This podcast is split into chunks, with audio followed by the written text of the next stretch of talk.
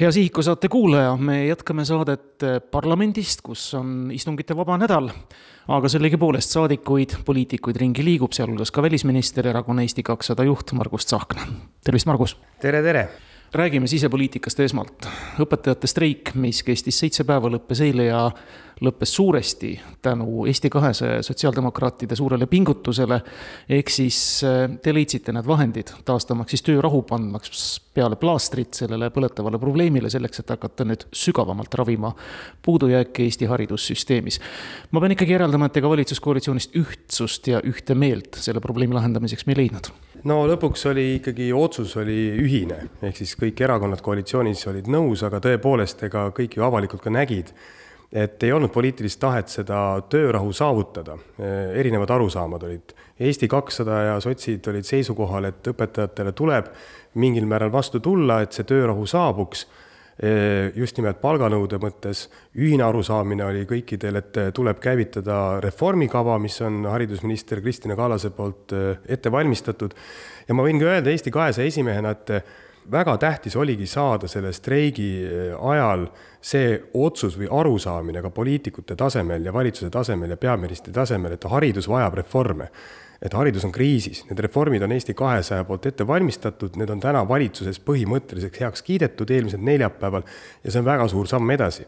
Aga tõepoolest eilne arutelu siis, kus me leidsime eh, siis Eesti kahesaja ja sotsiaaldemokraatide ministrite eelarvetest selle viis koma seitse miljonit, ei olnud ju mitte isegi selle üle, et kust see raha tuleb, vaid selle üle, et kas üldse tulla õpetajatele nii-öelda see viimane samm vastu sest oli ka näha, et streik hakkab võib-olla hääbuma. Eesti kahesajal oli väga tähtis see, et kuidas see streik lõpeb, kuidas see töörahu saabub ja see viis koma seitse miljonit tagab selle, et vähemalt õpetajate palk ei lange võrreldes eelmise aastaga suhteliselt, see on väga tähtis sõnum. meie eesmärk on ju saavutada see sada kakskümmend protsenti keskmisest palgast kahekümne seitsmendaks aastaks.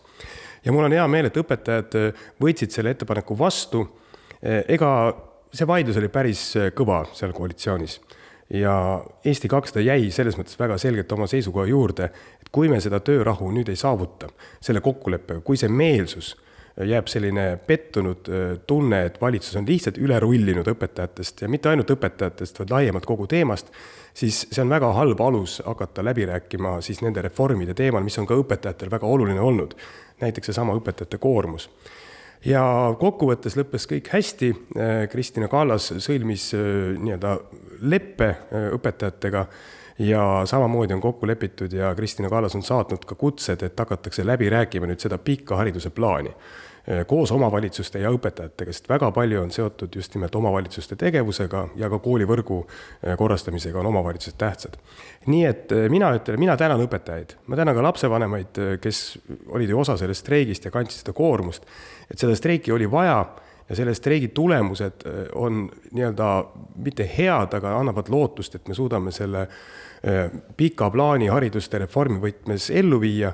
Ja äh, see on ju tegelikult see, mida õpetajad tahtsid. paljud on rääkinud, tuleb teha asju paremaks, aga, aga sellist arusaama ühiskonnas, eriti poliitikute seas, praktiliselt ikkagi ei olnud. Ja täna ma võin öelda, et see valitsus on aru saanud, reformid tulevad no see on arusaadav, see on kogu ühiskonna huvides, aga ma just mõtlen, et kui see nii pika vinna ja suure probleemiga ja suurte erimeelsustega sai ainuüksi see kümme miljonit ja õpetajate palgaprobleemi ees, siis ma ei kujuta ette, mida te teete selle riigieelarve strateegia uuesti alanud arutelude käigus, kus vajavad oluliselt suuremat summat katmist. ja kus ilmselt arusaamad sellest, kuidas seda teha, on veelgi diametraalsemalt erinevamad, nagu juba vist eile ilmnes. ehkki osapooled sellest väga palju ei räägi, te olite ainsad, kes ütlesite välja, et teie ettepanek on laenu võtta vajalikesse kohtadesse investeerida no me peame aru saama, et eh, me oleme kriisis, meil on majanduskriis, julgeolekukriis, meil on paljud erinevad kriisid kõik eh, nagu tulnud ühte kokku, eh, kokku keskpõrandale. ja mina usun selles, et kriisid on võimalused. väga halb mõtteviis on see, et elaks kuidagi kriisi üle ja läheks nii edasi, nagu varem oli. Meil ei ole võimalik seda eriti majanduse teemadel teha, me peame jõudma uuele tasemele. Teine on see, kuidas me riiki üldse haldame, ehk siis me oleme väga ebaratsionaalsed, me ei tea tegelikult täna, milliseid teenuseid me osutame inimestele. Nende enda raha eest, nii-öelda maksuraha eest. Me saame teha palju isiklikumalt, palju vajaduspõhisemalt, palju eh, personaalsemalt eh, seda riigihaldust ja see oli üks põhiettepanek meil ka eh, eile sellel arutelul. see nõuab investeeringuid, see nõuab investeeringuid tehnoloogiasse, see nõuab investeeringuid andmebaasidesse, see nõuab investeeringuid, et viia läbi just nimelt see vajadusepõhine reform nii sotsiaalvaldkonnas, meditsiinivaldkonnas, kõiges laiemalt. ja, ja selle jaoks mina olen nõus võtma laenu, tõsiselt kui me võtame laenu lihtsalt jooksvateks kuludeks ja mitte midagi ei muutu, siis me lihtsalt tulevikus maksame järjest rohkem ja maksame intresse nendele pankadele, kust me laenu võtame järjest rohkem. nii et eh, võtta laenu muutuste toomiseks, mitte ainult betooni valamiseks, eh, on see, mis on meie seisukoht ja ma arvan, et sinna me jõuame nüüd riigieelarve strateegia arutelude käigus ka välja. no kui jõuate, Reformierakonna seisukohti ei tea, Mart Võrklaev püsib nagu kuldruukis praegusel hetkel, vaid sotside seisukoht on, et peaks ikkagi selle ülirikaste maksustamise ette võtma, OÜ-tamise lõpetama. aga mis sellest asjast nüüd välja tuleb, see kõlab ikkagi väga nagu lõik, haug ja vähk noh, ma võin öelda, et see meeleolu eile ei olnud nii hull, kui võib-olla välja paistab, et see oli selline esimene lugemine, aga mul on hea meel, et see arutelu üldse toimus, et see ei toimu kuskil Vihula mõisas augustikuus, kui kõik on juba möödas me peame täna vaatama väga julgelt silma nii eelarveaugule, aga minu sõnum on ka olnud, et me ainult ei pea tegelema nii-öelda eelarvepoliitikaga, vaid me peame tegelema majanduskeskkonnaga, me peame lähtuma seisukohast, et mis iganes otsuse me langetame, iga üksik otsus peab olema seotud majanduse konkurentsivõime tõstmisega. See puudutab haridust, see puudutab tööturgu, see puudutab kapitali kättesaadavust meie ettevõtjatele, see puudutab samamoodi seda innovatsiooni, see puudutab tööstust see puudutab ka seda näiteks, et mida me teeme oma maavaradega, me oleme uurinud päris pikalt, me teame, et meil on arvatavasti Euroopa ühed võimsamad äh, väärismetallide äh, maardlad, mida saaks kasutada tänapäevase tehnoloogiaga ilma näiteks põhjavett rikkumata. Äh, me peame aru saama, et kuidas me tagame oma suurtööstusele odava energia, see puudutab tegelikult energiapööret. nii et kogu see kompleksne pilt oli see, mida ka Tiit Riisalo Eesti kahesaja poolt eile meie koalitsioonipartnerile esitas nii et meie jaoks ei ole küsimus ainult see, et kust võtta see nelisada kolmkümmend miljonit või kuussada miljonit äh, eelarveaugu jaoks, vaid et kuidas me seda teeme. mis on see tulemus, mis on see parem tulemus äh, reformide näol, et see riik, majandus oleks tugevam kui sinna kriisi minnes. ja need arutelud võtavad aega ja, ja teine on see ka, et miks me oleme võib-olla napisõnalised siin koalitsioonis, ei maali ennast nurka noh, mingite, ma ei tea, mulle ei meeldi üks asi, teine asi, erinevad ettepanekud olid lauas. olid nii maksutõusude ettepanekud, olid kärpeettepanekuid, olid OÜ-tamise lõpetuse ettepanekuid, sest meil on see kogemus olemas sellest samast Vihula mõisast. mina sinna Vihula mõisasse enam minna ei taha, et me lähme sinna kuskile mõisasse, kuskile eemale ja siis proovime panna kahekümne neljaga tunniga kokku põhimõtteliselt järgmise nelja aasta kogu riigi arengu, see ei tööta nii täna on tehtud äh, eeltööd näiteks sellesama majandamise, majanduse elavdamise paketiga, Eesti kakssada on teinud kõva eeltööd äh, Tiit Riisalo juhtimisel. ja nüüd on, moodustasime erinevaid töörühmi, vaatame ettepanekutele sisse ja tahame näha koosmõju nii-öelda eelarvepoliitika, majanduspoliitika ja, ja teised suured reformid.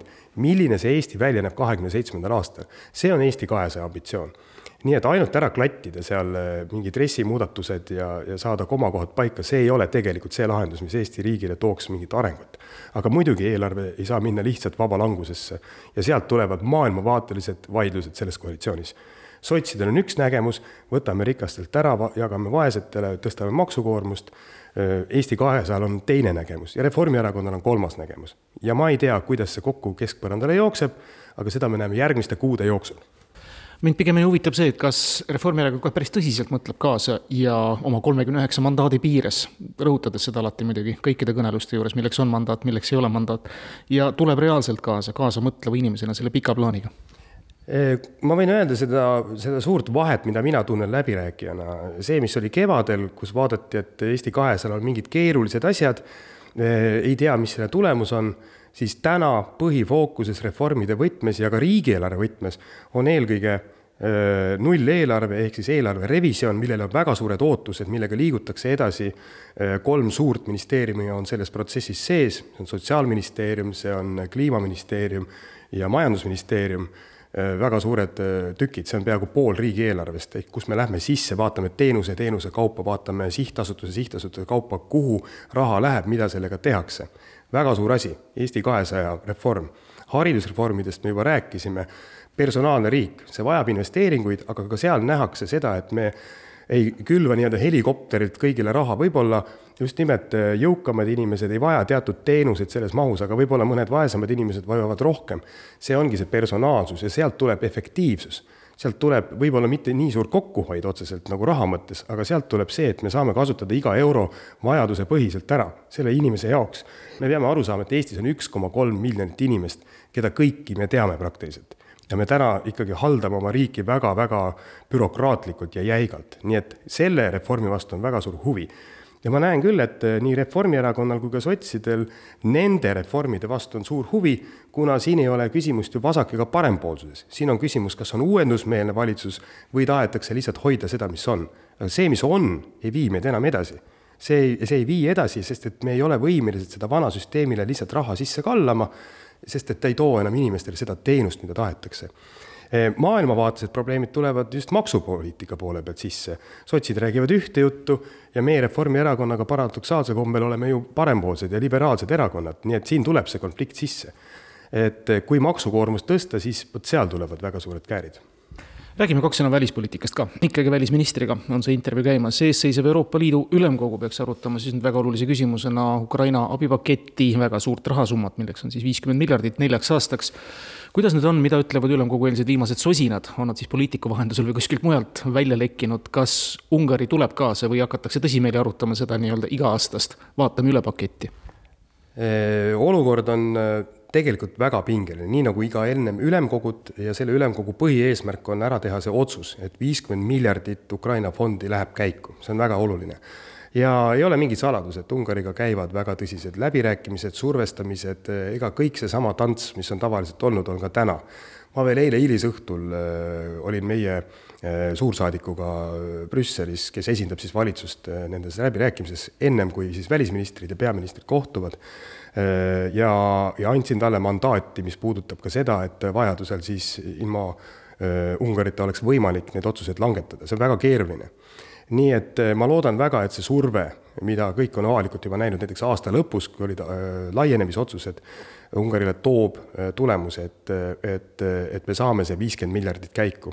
nii et see pinge, on need sosinad või mitte, on igal juhul väga kõrge täna ja vabandust selle viimase küsimuse pärast, aga Elu24 tahab ka kindlasti teada, väga popp küsimus. kas te presidendi kutse saite vastuvõtule, kas te lähete?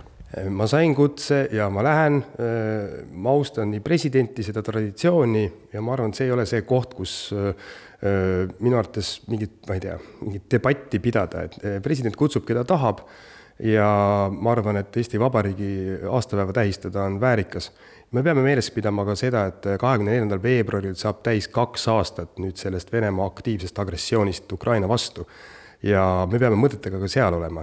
Mida vähem me üldse siin omavahel tülitseme, siin erinevad, kas presidendid, peaministrid, poliitikud omavahel, ma arvan, seda, seda väärikam see pidupäev meile tuleb. ja inimesed ei taha tegelikult seda tüli, nii et mina lähen, mul on poja sünnipäev, pean hommikul sünnipäeva ja siis, siis on õhtul vastuvõtt. suur tänu, Margus Tsahkna! aitäh!